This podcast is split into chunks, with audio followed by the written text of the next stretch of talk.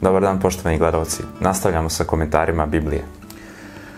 U današnjoj emisiji govorimo šta se desilo sa celom porodicom Jakova, odnosno Izrela, koji je sa svojih deset sinova, odnosno 11 sinova, i sa celom porodicom došao u Egipat, tamo ga je čekao njegov 12. sin, Josif.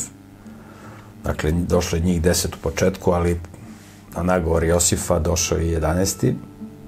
da bi se ispunilo ono što je Bog prorekao u snovima Josifu. I dakle, Jakov, odnosno Izrael, kao što znamo, Bog mu je promenio ime u Izrael, dolazi u Egipat kod svog sina, za koga je mislio da je mrtav, koji je drugi čovjek u državi. I oni sad dolaze u Egipat i čitamo kako izgleda taj dolazak u Egipat cele Jakovljeve porodice. 28. poglavlje, to je 46. poglavlje, 28. stih, prva knjiga Mojsijeva, 46. poglavlje, čitamo od 28. stiha.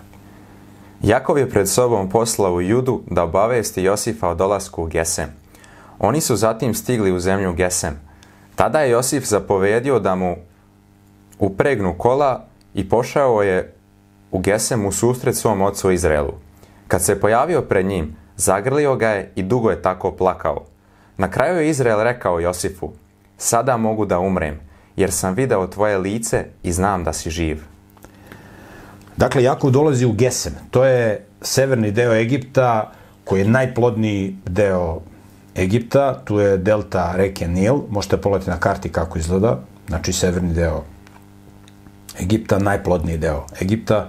I na najboljem mestu će Bog tu da umnoži a, Izraelove potomke ili Jakovljeve potomke i da ih pripremi za izlazak iz Egipta i da ih kasnije odvede u zemlju koju im je obećao. I ovde imamo opis njihovog susreta. Čitamo 31. stih, kako je Josif odgovorio ocu. Tada je Josif rekao svojoj braći i domu svog oca, idem da javim faraonu i da mu kažem, moja braća i dom mog oca, koji su bili u Hananskoj zemlji, došli su kod mene. Oni su pastiri i uzgajaju stoku. Doveli su ovamo svoju sitnu i krupnu stoku i sve što imaju. Kad vas faraon pozove i pita vas čime se bavite, vi recite, tvoje sluge uzgajaju stoku od svoje mladosti, pa sve do sada. Kako mi, tako i naši praočevi, da bismo mogli da se nase, da biste mogli da se naselite u zemlji Gesem, pošto su svi pastiri Egipćanima nečisti. Znači, Josif savete oca i svoju braću šta da kažu faraonu. Jer oni su pastiri. Čuvaju ovce. A Egipćanima su ovce bogovi, oni se klanjaju ovcama. Sad je to možda čudno, ali kako pogledate istoriju, ljudi su se klanjali životinjama kroz istoriju. Imate kipove krava, ovaca, imate u Indiji da su krave svete životinje. Imate pse da su svete životinje. I mnoge, u Egiptu su bile i, i, i ovaj, i ptice a, svete životinje, određena vrsta ptica. I kaže, recite im da ste pastiri i onda će faraon da vas pošalje u Geselsku dolinu da budete fizički odvojeni od Egipćana, jer Egipćani, Egipćanima su oni koji se bave pastirskim poslom nečisti. Znači, to je za njih bogokulno, to je za njih gnusoba, da se uzgajaju ovce i da se one koriste da se šišaju i tako dalje, da šišaš njihovog boga, da jedeš njihovog boga i tako dalje. To je njima sablazan. I Josif savjetuje oca i braću šta da kažu faraonu. 47. polovlje, prvi stih. Tako je Josif otišao i javio faraonu. Moj otac i moja braća došli su iz Hananske zemlje sa svojom sitnom i krupnom stokom i sa svim što imaju. Jeno ih u zemlji Gesem. I izabrao je petoricu svoje braće da ih predstavi faraonu. Može dalje? Tada je faraon upitao njegovu braću, čime se bavite? A oni su odgovorili faraonu, tvoje sluge su pastiri kao što su bili i naši praočevi. Zatim su faraonu rekli, došli smo da neko vreme živimo u ovoj zemlji, jer više nema paše za stoku, tvoj, za stoku tvojih slugu, jer je u Hananskoj zemlji velika glad. A sada te molimo da dopustiš da tvoje sluge žive u zemlji Gesem. Tada faraon reče Josifu, tvoj otac i tvoja braća došli su kod tebe. Egipatska zemlja stoji ti na raspolaganju. Naseli svog oca i svoju braću u najbolji kraj zemlje. Neka žive u zemlji Gesem. A ako znaš da među njima ima hrabrih ljudi, postavi ih za nadzornike nad mojom stokom. Dakle, faraon je oduševljen da izađe susret Josifu, jer je video da mu Josif spasio i carstvo i državu i da se jako obogatio zbog svega što je uradio, jer je skupljao žito sedam godina i sada ih prodaje, sada prodaje to žito i vrlo se obogatio. Takođe kaže, ako imaš hrabrih ljudi, vidimo da, kaže, nek postavi ih da, ako među tvojom braćom ima hrabrih ljudi, postavi ih da budu nadzornici nad mojom stokom. Oni su imali, Egipćani su imali neku stoku koju su oni uzgajali, neke životinje, ali to nisu bile ovce. Čitamo dalje sedmi stih. Zatim je Josif uveo svog oca Jakova i predstavio ga faraonu. A Jakov je blagoslovio faraona. Faraon upita Jakova, koliko ti je godina? Jakov odgovori faraonu, meni je 130 godina i sve to vreme živim kao stranac. Malo ih je i mučne su godine mog života i ne dostižu godine života mojih očeva kad su živeli kao stranci. Zatim je Jakov blagoslovio faraona i otišao od njega. Znači, Josifov otac Jakov se susreće sa faraonom i kaže, pita ga faraon koliko imaš godina, a on kaže, kaže, malo ih je, ima malo godina i mučne su i ne dostižu godine života mojih očeva koji su živeli kao stranci. On kaže, moji očevi, oni su živeli mnogo duže. I mi smo čitali ovde genealogiju koliko su ti ljudi živeli. Preko 900 godina. Avraam je imao 180 i nekoliko, njegov otac još više, kad se, kako se idemo tamo prema Noju, sve su više i više živeli. Posle potopa je životni vek počeo da se smanjuje. Evo ga, Jakov je imao 130 godina. Kaže, ne dostižu godine života mojih očeva. Čitamo 11. stih. Tako je Josif naselio svog oca i svoju braću i dao im u posjed i dao im posjed u egipatskoj zemlji, u najboljem kraju zemlje, u zemlji Ramesi. Baš kao što je faraon zapovedio. Josif je sanbevao hlebom svog oca i svoju braću i ceo dom svog oca prema broju dece. Idemo dalje. A u celoj zemlji nije bilo hleba, jer je glad bila veoma velika. Egipatska i Hananska zemlja bile su iscrpljene zbog gladi. Josif je pokupio sav novac koji je našao u egipatskoj i hananskoj zemlji za žito koji su ljudi kupovali. Josif je taj novac donosio u faraonov dvor. Posle nekog vremena nestalo je novca u egipatskoj i u hananskoj zemlji. I svi Egipćani su dolazili kod Josifa i govorili Daj nam hleba, zašto da pomremo pred tobom zato što više nemamo novca? Tada je Josif rekao Predajte svoju stoku i daću vam hleb u zamenu za vašu stoku, pošto više nemate novca. I oni su dovodili svoju stoku kod Josifa, a Josif im je davao hleb u zamenu za njihove konje, ovce, goveda i magarce. Tako im je te godine davao hleb u zamenu za svu njihovu stoku. Ovdje imamo opis dve grupe ljudi. Imamo Jakova i njegovu porodicu i imamo ove neznabošce u Egiptu. U vreme najveće gladi, u vreme kad su ljudi umirali od gladi, kad su sve davali da dođe do hrane, oni koji su bili na strani Boga su živeli u izobilju, u plodnoj zemlji. U izobilju su živeli. I imali su hrane koliko su hteli. Ali zato što su bili bliski Bogu. I zato što su živjeli po Božjim zapovestima.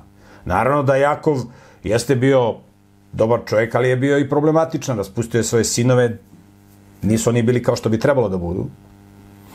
Ali evo, bio je Josif, njegov sin, preko koga je Bog blagoslovio celu porodicu. U vreme najveće gladi, oni koji su se držali Boga, oni, su, oni u ničemu nisu oskudevali. Sa druge strane, neznabošci koji nisu znali za Boga, koji su se klanjali lažnim bogovima, koji su verovali lažnim autoritetima, stručnjacima, ekspertima, licenciranima, kreditovanim, dobitnicima visokih međunarodnih priznanja i drugih polnih obolenja. Oni su sve se, sve prodavali što su imali da bi se prehranili. I vidjet ćete šta će im se dalje desiti. Ni ovo sa što su sve dali što su imali za hranu, to nije ništa, to je početak. I ovo je slika onoga što se danas dešava. Ljudi koji žive po Božjim zapovestima, oni u ničemu neće oskudevati, oni ničemu ne uskudevaju. A oni koji su izabrali da žive kao neznabošci, oni će bez svega da ostanu. I na kraju će da pomru od gladi. Po betonskim kavezima, odnosno po betonskim grobnicama. Jer ovi, beton, ovi stanovi u kojima ljudi žive po gradima, to, to su bili nekada betonski kavezi. Sad će to da postanu betonske grobnice. Tu će da ih umore glađu. I sve će da prodaju. I svoju dušu će da prodaju samo da se prehrane. Ovo je vrlo važna pouka za nas danas.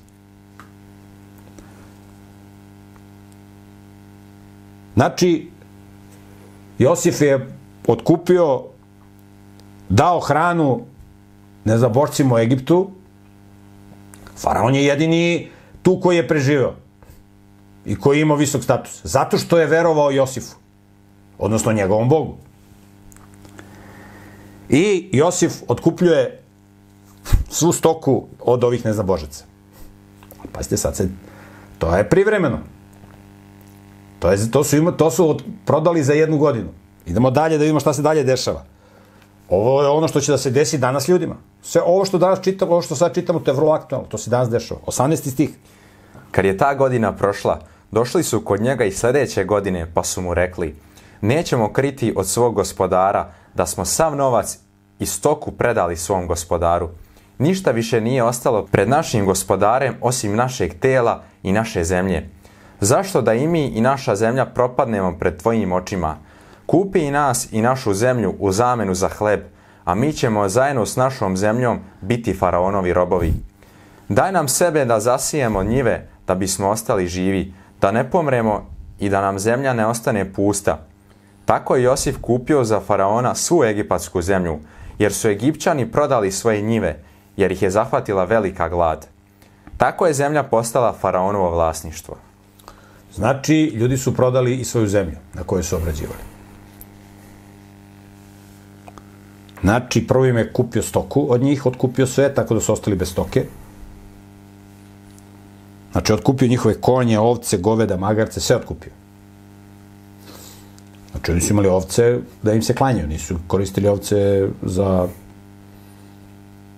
za meso i kožu i tako dalje, nego da bi im se klanjali. Znači, sad im je otkupio i zemlju. Idemo dalje. Znači, sad se to nastavlja. 21. stih. On je preselio narod u gradove od jednog do drugog kraja Egipta.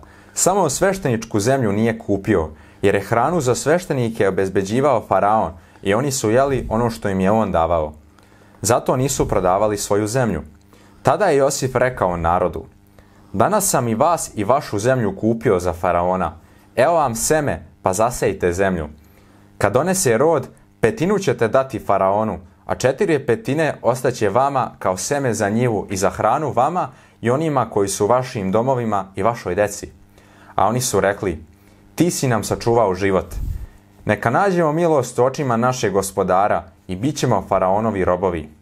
Josif je tako postavio odredbu po kojoj do današnjeg dana petina od roda zemlje u Egiptu pripada faraonu. Samo zemlja sveštenika kao posebne grupe ne pripada faraonu. Pazite, ovdje imamo nekoliko elementa. Josif je preselio narod u gradove. Znači, nema više živite sad u prirodi. Kao slobodni ljudi. Idete u gradove. Budete robovi. To je isto ovo što imate danas. To se desilo posle drugog svetskog rata ovde na našim prostorima. Kad su ljude terali sa sela. Idete u industriju. Kakva poljoprivreda? Ulažemo u industriju. Da živite u gradovima, u stanovima, betonskim kavezima.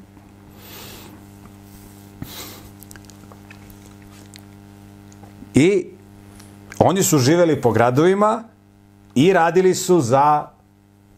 Znači, ovaj je otkupio njihovu zemlju. I oni su radili za faraona da se prehrane. To je ovo kao što danas žive po gradovima, samo da se prehrane. Za toliko imaju. Pazite, zemlja E- Egipćana više nije njihova zemlja, to je vlasništvo faraona. To vi isto imate danas. Ljudi misle da imaju, da su vlasnici neke zemlje.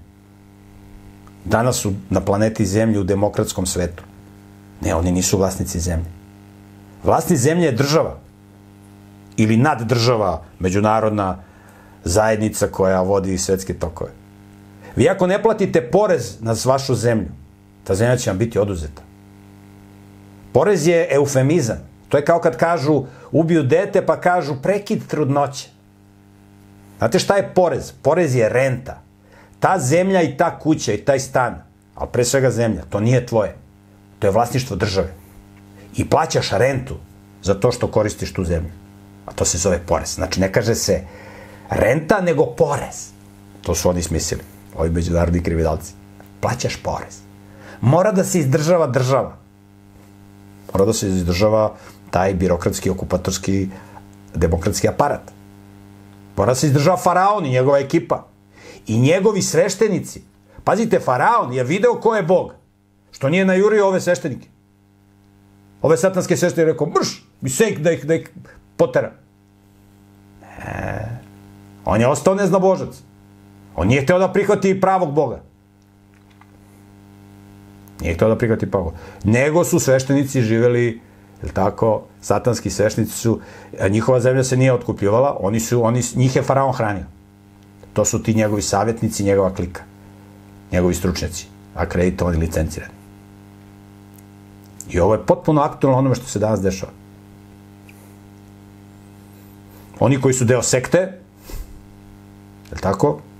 Jer sekta mora da vodi demokratsku državu, uglavnom to je slučaj sa svim zemljama, sa svim državama u svetu. Postoje neke redke države u svetu gde postoje neki vladari koji još uvek pokušavaju da nešto spasu šta se spasti može. To su, ostale su redke države ovaj, u svetu, koje nisu pale skroz na kolena i njihovi vladari.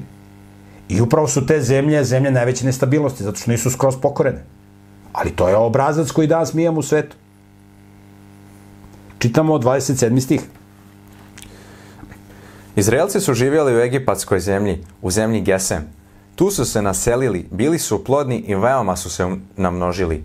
Jakov je živeo u egipatskoj zemlji 17 godina, tako da je ukupno živeo 147 godina. Može dalje. Kad se približilo vreme da Izrael umre, pozvao je svog sina Josifa i rekao mu, molim te, ako sam našao milost u tvojim očima, stavi ruku pod moje bedro i pokaži mi dobrotu i vernost. Molim te, nemoj me sahraniti u Egiptu. Hoću da počinem kod svojih očeva i zato me odnesi iz Egipta i sahrani me u njihov grob. A on mu je odgovorio, učinit ću kako si kazao. Na to je Jakov rekao, zakuni mi se, i on mu se zakleo. Onda se Izrael poklonio nad uzglavljem postelje. Znači, Jakov ili Izrael zove svog sina i moli ga za jednu stvar. Da ga ne sahrani tu, nego da ga sahrani kod svojih očeva. I kaže, zakuni mi se. Sumnje u njega, možda on zastranio tu malu u Egiptu duže nego što je bio. I ovaj mu se zakleo. I ovaj mu se poklonio. Poklonio se svome sinu, zahvalio mu se što mu se zakleo da će to da učini. I čitamo kako je okončao život Josif, ovaj Jakov, izvinjam se, ili Izrael. On sad zove sina, ponovo zove svog sina Josifa. Da vidimo kako je svoj ovozemaljski život okončao onaj koji će postati, po kome će se nazvati 12 sinova Izraeljevih, po kome će država teokratska koja će se uspostaviti biti nazvana Izrael. Čitamo 48. polavlje, prvi stih. Posle ovih događaja javili su Josifu, tvoj otac je sve slabiji. Tada je on sa sobom poveo svoja dva sina, Manasiju i Jefrema. Zatim su javili Jakovu, došao je tvoj sin Josif, a Izrael je skupio snagu i seo na postelju. Jakov je rekao Josifu, Bog svemoćni pojavio mi se u luzu u Hananskoj zemlji da me blagoslovi. Tada mi je rekao, Učinit ću te plodni i umnožit ću te i od tebe ću načiniti veliki narod i tvom potomstvu nakon tebe daću ovu zemlju kao trajno vlasništvo. A sada, tvoja dva sina koja su ti se rodila u egipatskoj zemlji, pre nego što sam došao kod tebe u Egipat, neka budu moji. I Efrim i Manasija neka budu moji, kao Ruvim i Simeon. A potomstvo koje ćeš imati posle njih neka bude tvoje. Po imenima svoje braće zvaće se na nasledstvu svome, Kad sam se vraćao iz Padana, umrla mi je Rahela u Hananskoj zemlji, dok smo još bili na putu. Kad je ostalo još dobar deo puta do Efrata, pa sam je sahranio na putu za Efratu, to jest Bitlejem. Znači, šta sada Jakov kaže Josifu? On njemu kaže, ti ćeš biti moj prvenac u prevodu. Prvenac je dobio dva dela. Znači, pošto je Jakov, ili Izrael, imao 12 sinova, njegovo nasledstvo se delilo na 13 delova. Znači, 12 silo, sinova, 13 delova. Sin prvenac dobija dva dela, ovi ostali dobijaju po jedan deo. I kaže Jakov svom sinu Josifu. Jefrem i Manasija, to su sinovi Josifovi koje on dobio u Egiptu. Tvoja dva sina, Josife, će da budu moji. Znači, dobit ćeš dupli deo. I oni imaju ravnopravne delove kao, njegovi, kao njihovi stričevi, ovih 11. To on njemu kaže. Rovim je izgubio prvenaštvo, kao što, zna, kao što će kasn, uskoro da kaže Jakovi da objasni, zato što je oskrnavio postelju svoga oca, lego je sa njegovom inočom, i Josif postaje prvenac. Sad ćemo, sad ćemo da čitamo o tome ovaj, u nastavku. Osmi stih. Tada je Izrael ugledao Josifove sinove i upitao ih, ko su ovi? Josif odgovori svom ocu, to su moji sinovi koje mi je Bog ovde dao. Tada on reče, molim te, dovedi ih da ih blagoslovim. Izraeli su oči oslabile od starosti, pa nije dobro video. Zato mu ih je, Jovi, zato mu ih je Josif doveo, a on ih je poljubio i zagrlio. Zatim Izrael reče Josifu, nisam se nadao da ću videti tvoje lice, a evo, Bog mi je dao da vidim i tvoje potomstvo. Posle toga Josif ih je odmakao od njegovih kolena i poklonio se licem do zemlje. Zatim je Josif uzeo obojicu, Jefrema desnom rukom, tako da je Izraelu bio s leve strane, a Manasiju levom rukom, tako da je Izraelu bio s desne strane i doveo ih bliže njemu. Izrael je ispružio desnu ruku i stavio je na Jefremovu glavu, iako je bio mlađi, a levu ruku na Manasijinu glavu. Namerno je tako položio ruke, premda je Manasija bio prvenac.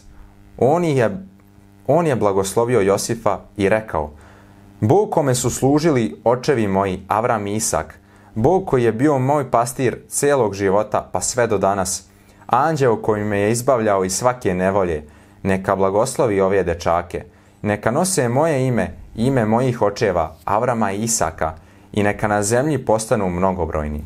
Dakle, Jakov ili Izrael se jako obradovao što ne samo da je video živog svog sina za koga je mislio da je um, mrtav, nego čak je video njegove sinove, Jefrema i Manasiju.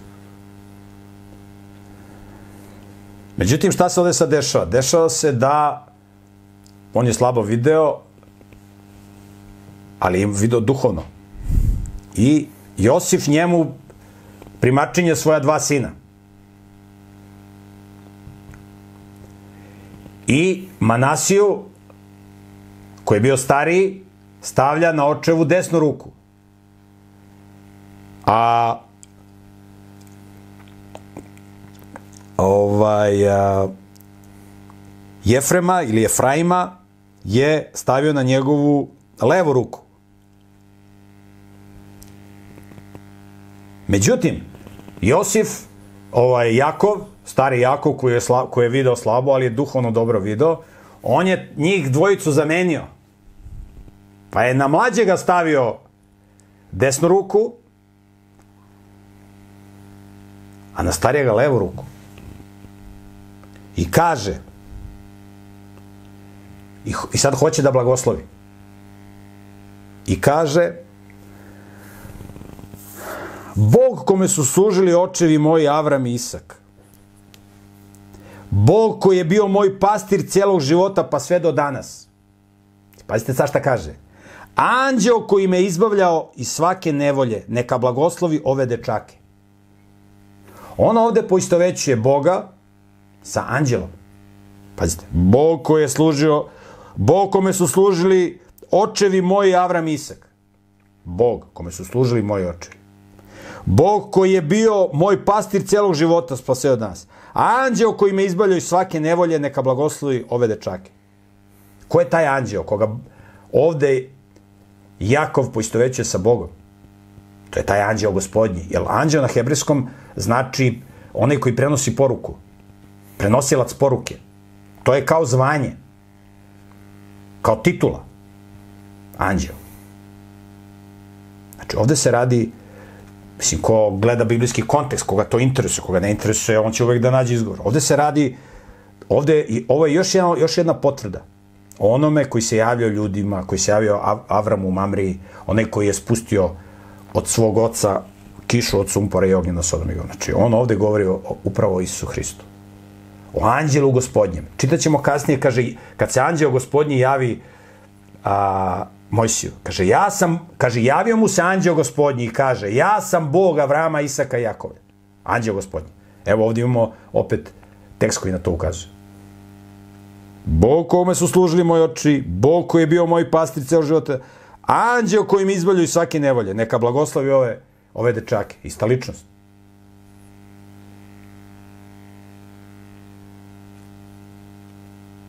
Neka nose moje ime, ime mojih očeva Avrama Isaka i neka na zemlji postanu Bogom. On je stavio njima ruke na glavu. Samo što je desnu ruku, koja je bila simbol jačine, snage, ali većina ljudi su dešnjaci, tako se smatra,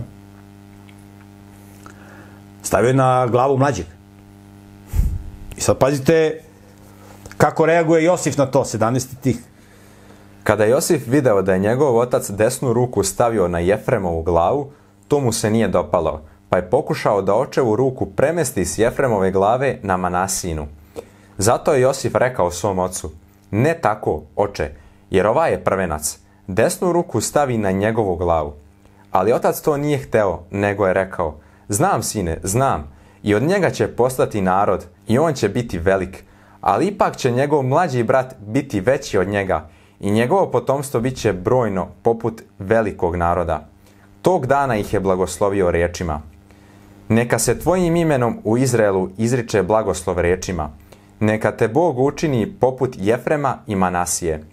Tako je postavio Jefrema ispred Manasije. Dakle, iako je slabo video, Jakov, odnosno Izrael, njemu kaže, Jefrem će da bude stariji. Iako je on mlađi, on će da bude duhovno stariji. On će da bude vođa. I mi ćemo kroz istoriju videti kako se to zaista ispunilo. Kada se bude ulazilo u obećanu zemlju, onaj koji će da predvodi izraelski narod u obe, ulazak u obećanu zemlju biće Isus Navin. On je nasledio Mojsija. Isus Navin je bio iz Jefremovog plemena. Nakon Solomonove smrti, čuli se za Solomona, on, on će biti car u Izraelu. Nakon njegove smrti, kada je njegov sin došao na vlast, Rovoam, izraelska država se podelila. Na deset severnih plemena, ta država se zvala Izrael, i južni deo države se zvao Juda, tu su bila dva plemena sa sedištem u Jerusalimu, tu su, bili, tu su bila plemena Juda i Venijamin, a ovih deset plemena su bili na, su formirali drugu državu. Tako da se jedna država podelila u dve. Na jednu veću teritorijalnu, jednu manju, ali ova južna manja država je imala sedište u Jerusalimu. Juda i Venijamin. Pošto je Venijamin bio malo pleme, onda se ta država zvala Judeja. Ili Juda. Jer Venijamin je malo pleme. A ova gornja država se zvala Izrael. Sedište ove severne države, Izraela, je bio u gradu koji se zvao Jezrael. A taj grad je bio na teritoriji koje je dobilo Jefremovo pleme. Jer kad su ušli u obećanu zemlju, današnja država Izrael je bila podeljena, svako je dobio svoje, svako pleme je dobilo svoju teritoriju. Jefrem je bio, na Jefremovoj teritoriji je bio glavni grad te severne države. Često puta se a, u Bibliji to severno carstvo, Izrael, naziva Jefrem. Naprimjer, imamo u u knjizi proroka Osije čitaćemo kada on govori o Severnom carstvu, o, drže, o tom Izraelu deset plemena, on njega govori kao Jefrem, jer Jefrem je bio glava, on je bio predvodnik. Jefrem. I to je upravo ovo ispunjenje pročanstva koje je dao Jakov, odnosno Izrael, i tako je, kaže, postavio Jefrema ispred Manasije. Čitamo 21. stih. Zatim Izrael rekao Josifu, ja ću uskoro umreti, ali Bog će biti s vama i vratit će vas u zemlju vaših praočeva. Dajem ti jedan deo zemlje više nego tvojoj braći, deo koji sam iz ruke Amoreja uzeo svojim mačem i svojim lukom. Znači šta kaže? Dajem ti jedan deo više. Kaže Jakov svom sinu Josifu. Znači ti si sad prvenac. Iako si pretposlednji po starini. I to prvenaštvo nije samo bilo u materijalnom smislu. Nego je bilo u duhovnom smislu. Kada čitamo šta su dobili Avramovi sinovi, Isak i Ismael, jedan i drugi su dobili veliko materijalno bogatstvo. Ali Isak je dobio i duhovno bogatstvo. Dobio je blagoslov, poseban blagoslov je dobio. Kada, je Isakovi, kada su Isakovi sinovi dobili nasledstvo od svog oca, Isav i Jakov, jedan i drugi su dobili veliko materijalno bogatstvo. Ali je Jakov dobio duhovno, duhovni blagoslov i duhovno bogatstvo. Tako da je on dobio duplo. Dobio je materijalno i duhovno. Ovo duhovno je još važnije. Dobio je blagoslov. I na hebrejskom jeziku blagoslov se kaže beraha. I to je vrlo zanimljivo. A, beraha a, reč berahali blagoslov je vrlo bliska reči bereh, što znači koleno. Blagoslov je povezan sa rečju koleno. Zašto sa koleno? Pa evo imamo slučaj kada otac ili kada deda blagoslove, blagoslava svoje sinove ili svoje unuhe, on ih stavi na svoja kolena. I onda ih stavi ruke na, na glavu i onda ih blagosilja. Tako i Bog kad nekoga blagosilja. On ga blagosilja kao svoje dete. Povezano je sa kolenom. Stavi ga na kolena, svoje dete i blagosilja ga. Bereh, beraha. I ovde kaže u 20. stiku šta je Jakov kako je Jakov blagoslovio Jefrema i Manasiju. Kaže ovako, neka se tvojim imenom u Izraelu izriče blagoslov rečima, neka te Bog učini poput Jefrema i Manasije. Znači, neka te Bog učini poput Jefrema i Manasije.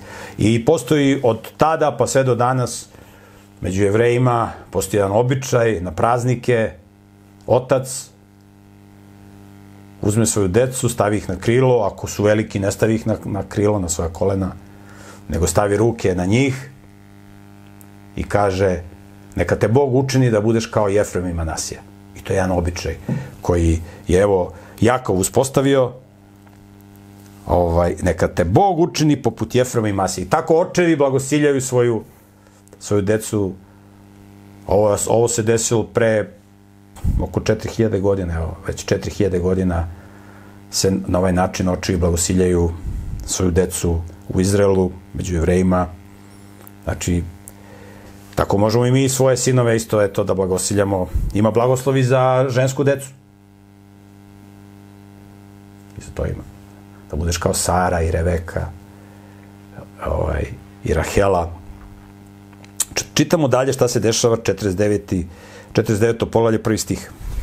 Zatim je Jakov pozvao svoje sinove i rekao im, okupite se da vam kažem šta će vam se dogoditi u budućim danima. Sakupite se i čujte, Jakovljevi sinovi. Čujte Izraela, svog oca, Ovde u nekim prevodima se kaže e, šta će vam se dogoditi, kaže, okupite se da vam kažem šta će vam se dogoditi u budućim danima. Ovo možda se prevodi sa hebrejskom i u, u, u poslednjim danima. On govori o posljednjim danima u istoriji planete, čak i, i na to može da se odnosi. Znači, on ovde daje jedno proročanstvo šta će se desiti. Čitamo od trećeg poloda. Sada on ide jednog po jednog sina i blagosilja. I govori šta će se desiti u budućim danima. Ruvime, ti si moj prvenac, moja sila i prvenac moje muške snage. Uzvišen si u dostojanstvu i u snazi. Neoba, neobuzdan si poput voda, nemoj se uzvisivati, jer si legao na postelju svog oca. Tada si obeščastio, On je legao na moju postelju.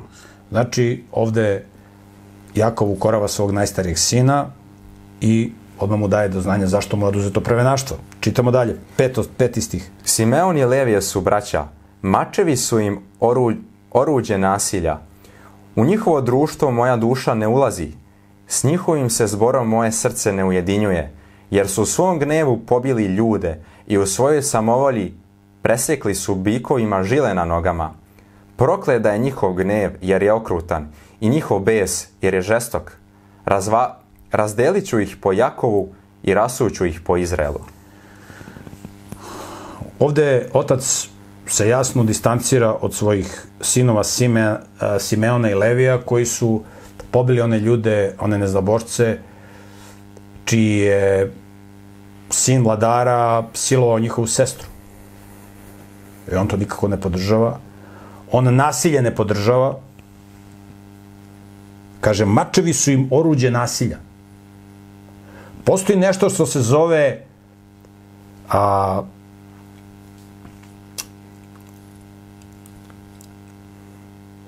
a, kaže, oni, kaže, jel znam da će zapovjediti sinovima svojim da čine milost i pravdu.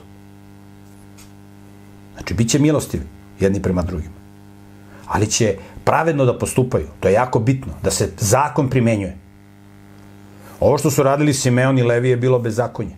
I kaže Jakov, u njihovo društvo moja duša ne ulazi. S njihovim se zborom moje srce ne ujedinjuje. Ja, ja s takim ponašanjem nemam ništa. On se tu distancira. Kaže, prokleda je njihov gnev, jer je okrutan, i njihov bes, jer je žestok. Razdelit ću ih po Jakovu i rasuću ih po Izraelu. Čitamo dalje, osmi, znači oni će biti, da kažemo, zavisni od svoje braće. Čitamo osmi, osmi, osmi stih. Tebe će, Juda, tvoja braća hvaliti. Tvoja će ruka biti na vratu tvojih neprijatelja. Sinovi tvog oca tebi će se klanjati. Juda je lavić, sine moj, od plena ćeš ustajati. Spustio se, kao lav se ispružio, i ko se usuđuje da ga probudi? Žezlo se neće odmaći od jude, ni zapovednička palica od njegovih nogu, dok ne dođe onaj kome to pripada, i njemu će se pokoravati narodi. Kad za lozu veže svog magarca, za plemenitu lozu potomka svoje magarice, on će svoju odeću prati u vinu i svoje haljine od krvi od grožđa. Oči su mu crvene od vina, a zubi beli od mleka. Ovde Jakov govori da će iz eh, judinog plemena, odnosno od jude, doći onaj koji će imati zapovedničku palicu i da će doći onaj kojime će se pokoravati narodi. Ovo je jedna eksplicitna najava da će iz judinog plemena doći Mesija, Isus Hristos. Kaže, kada za lozu veže svog magarca, za plemenitu lozu potomka svoje magarice, on će svoju odeću prati u vinu i svoje haljine u krvi od grožđa. Kad budemo kasnije čitali u 14. poglavlju knjige otkrivenja, čitat ćemo kako Isus gazi u kaci gneva i kaže njemu su haljine crvene od krvi, jer će da izgazi nezna bošce. Ovdje imate aluziju na to, opis toga, o čemu govori Jakov vezano za svog sina Judu. 13. 13. stih. Zavulon će živeti pored mora i bit će uz obalu gde su usidreni brodovi i njegovo područje protezaće se prema Sidonu. Idemo dalje. Isahar je magarac jakih kostiju koji počiva među ogradama. Videće da je počivalište dobro i da je zemlja lepa, pa će podmetnuti leđa da nosi teret i bit će prisiljen na ropski rad. Kao jedno od Izraelovih plemena, Dan će suditi svom narodu. Dan će biti zmija pored puta, rogata zmija pored puta, koja konja ujeda za gležanj, tako da njegov jahač pada na leđa. O gospode, čekat ću da spasenje od tebe dođe. Dan, inače na hebrejskom znači sudija. čuveni profesor Enrico Josif je govorio da na Balkanu žive potomci dana i da će Bog suditi svetu preko naroda koji živi na Balkanu, koji su potomci dana. Evo kaže, dan će suditi svom narodu. Čitamo dalje 19. stih. Gada će napadati razbojnici, ali on će im biti za petama. Od Asira će dolaziti obilje hleba i on će davati carske poslastice. Neftalim je tanana košuta, on govori lepe reči. Josif je mladica rodnog drveta, mladica rodnog drveta kraj izvora, što preko zida tera svoje grane. Ali strelci su ga napadali, gađali i gajili mržnju prema njemu. A ipak je njegov luk ostao čvrst i snažne mišice ruku njegovih bile su gipke.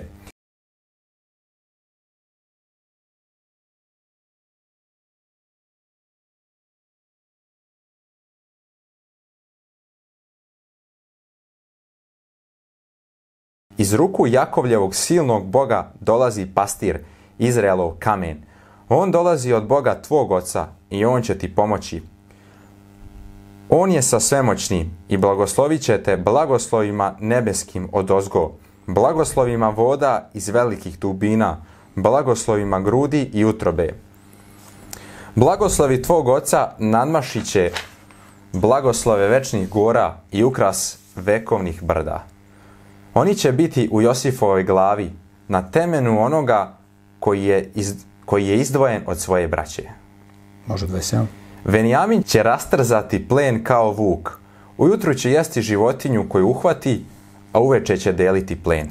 Znači ovdje imamo blagoslove kako je Jakov, odnosno Izrael blagoslovio svoje a, sinove, svojih 12 sinova i na osnovu ovog teksta iz Biblije smatra se kroz istoriju da je 12 plemena Izraeljevih imalo obeleže na svojim zastavama prema ovom opisu koji ovde imamo u Bibliji, koji je izgovorio njihov otac Izrael ili Jakov. I onda zastava Judina je la, glava lava, pošto je on ovaj, Lavić, kako ga zove Juda. I tako dalje zove ostale. Tako da znate da je ovaj tekst povezan sa simbolikom. Da su se te zastave sačuvale ili ne, i ti simboli, mi ne znamo, postoje neki neke zastave, neki simboli koje danas ljudi koriste, da li su to ti koji su se nekada koristili, ja ćemo kasnije čitati, kaže, svako, svako pleme je bilo pored svoje zastave. Znači, postojale su, postojale su zastave koji su se razlikovali između sebe. Imali su neka obeležja. 28. stih. Svi oni čine 12 Izraelovih plemena i ovo im je otac rekao kad ih je blagoslovio. Svakoga je blagoslovio od, odgovarajućim blagoslovom. Može dalje. Zatim im je dao ovu zapovest. Kad se pribrem svom narodu, sahranite me s mojim očevima u pećini koja je u polju Efrona Heteina, u pećini koja je u polju Makpeli ispred Mamrije u Hananskoj zemlji, u polju koje je Avram kupio od, od Efrona Heteina za grob. Tamo su sahranili Avrama i njegovu ženu Saru. Tamo su sahranili Isaka i njegovu ženu Rebeku. I tamo sam ja sahranio Liju. To polje i pećina na njemu kupljeni su od Hetovih sinova. Znači, on ponovo iz, izražava svoju želju da, da, da se ne sahranju u Egiptu, nego tamo gde su sahranjeni njegov deda i njegovi preci. 33. stih.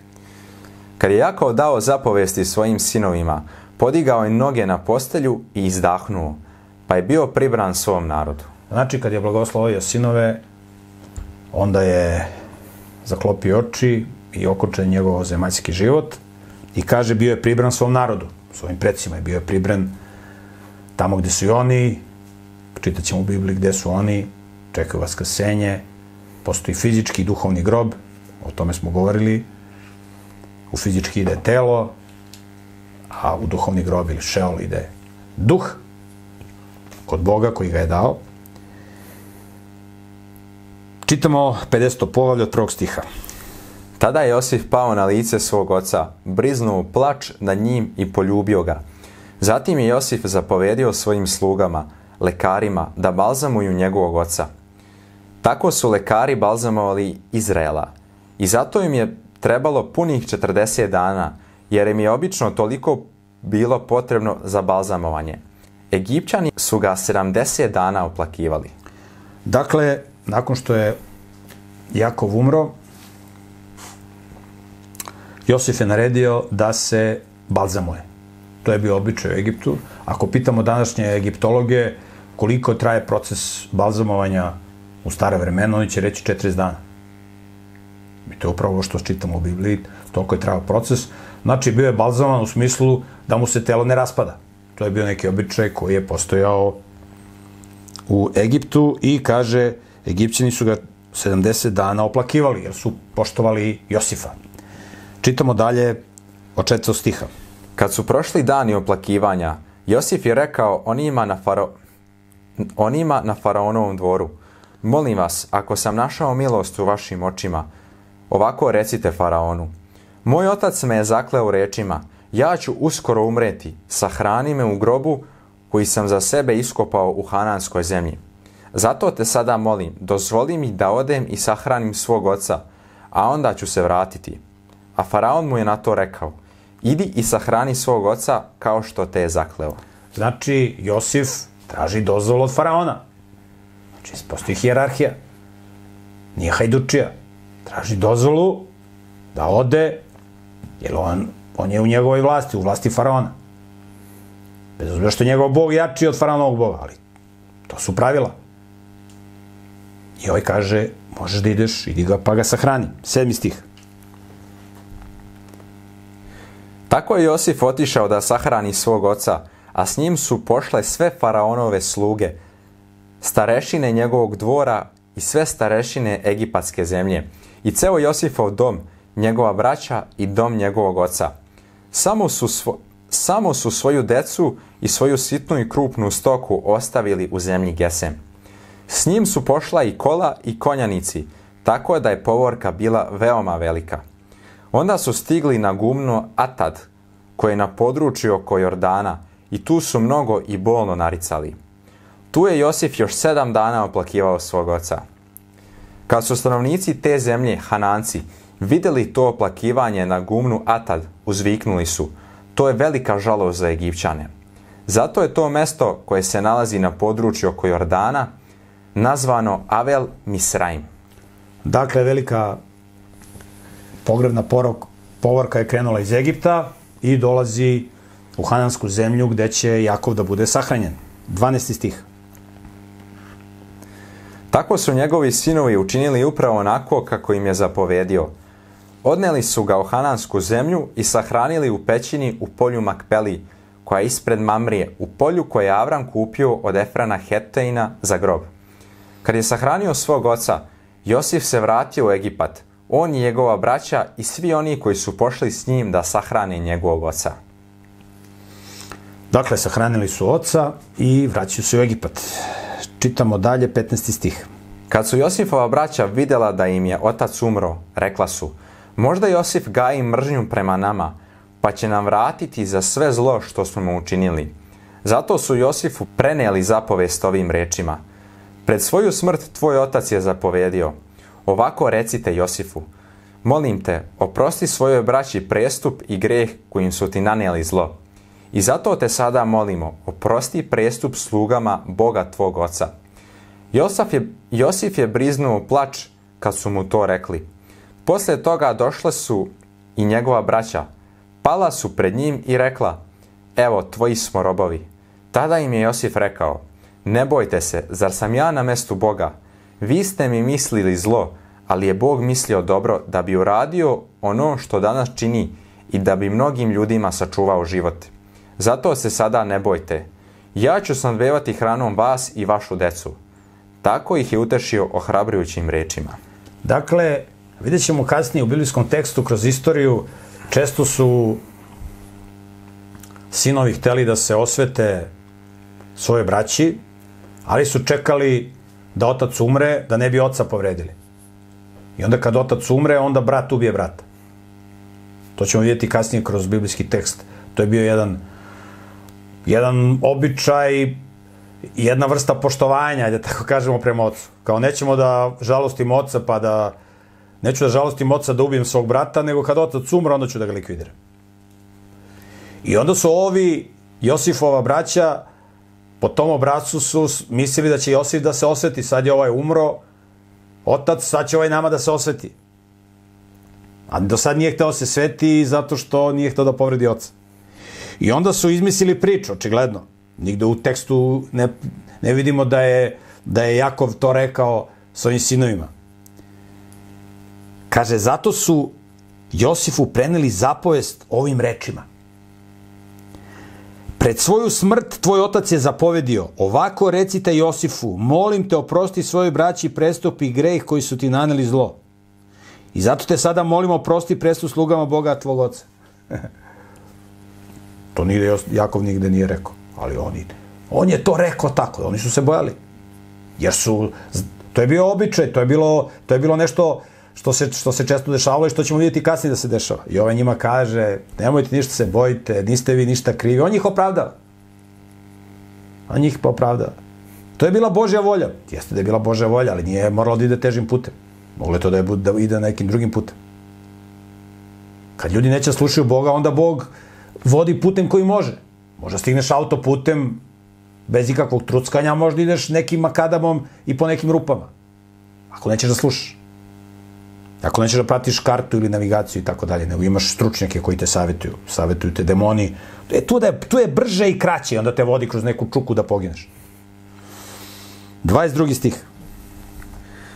Josef je ostao da živi u Egiptu, on i dom njegovog oca. On je živeo 110 godina.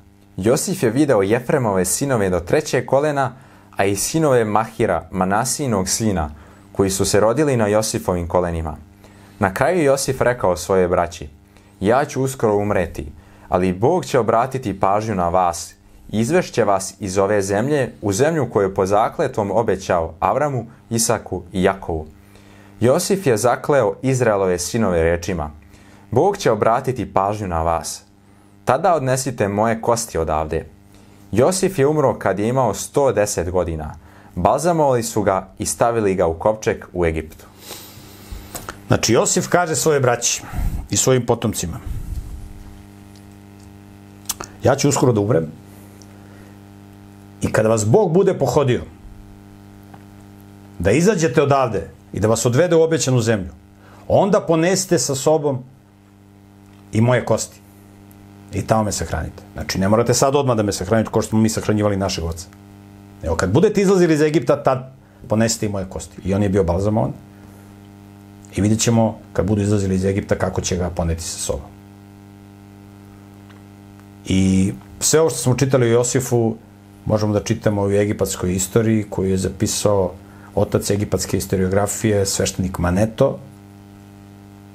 Ja sam o tome pisao u mojoj knjizi Nauka i problem smrti. Postoji knjiga koja se zove Biblijska arheologija, koga interesuje ima ove knjige besplatno na sajtu Centra za prirodnjačke studije, a može i da kupi preko sajta naukareligija.com.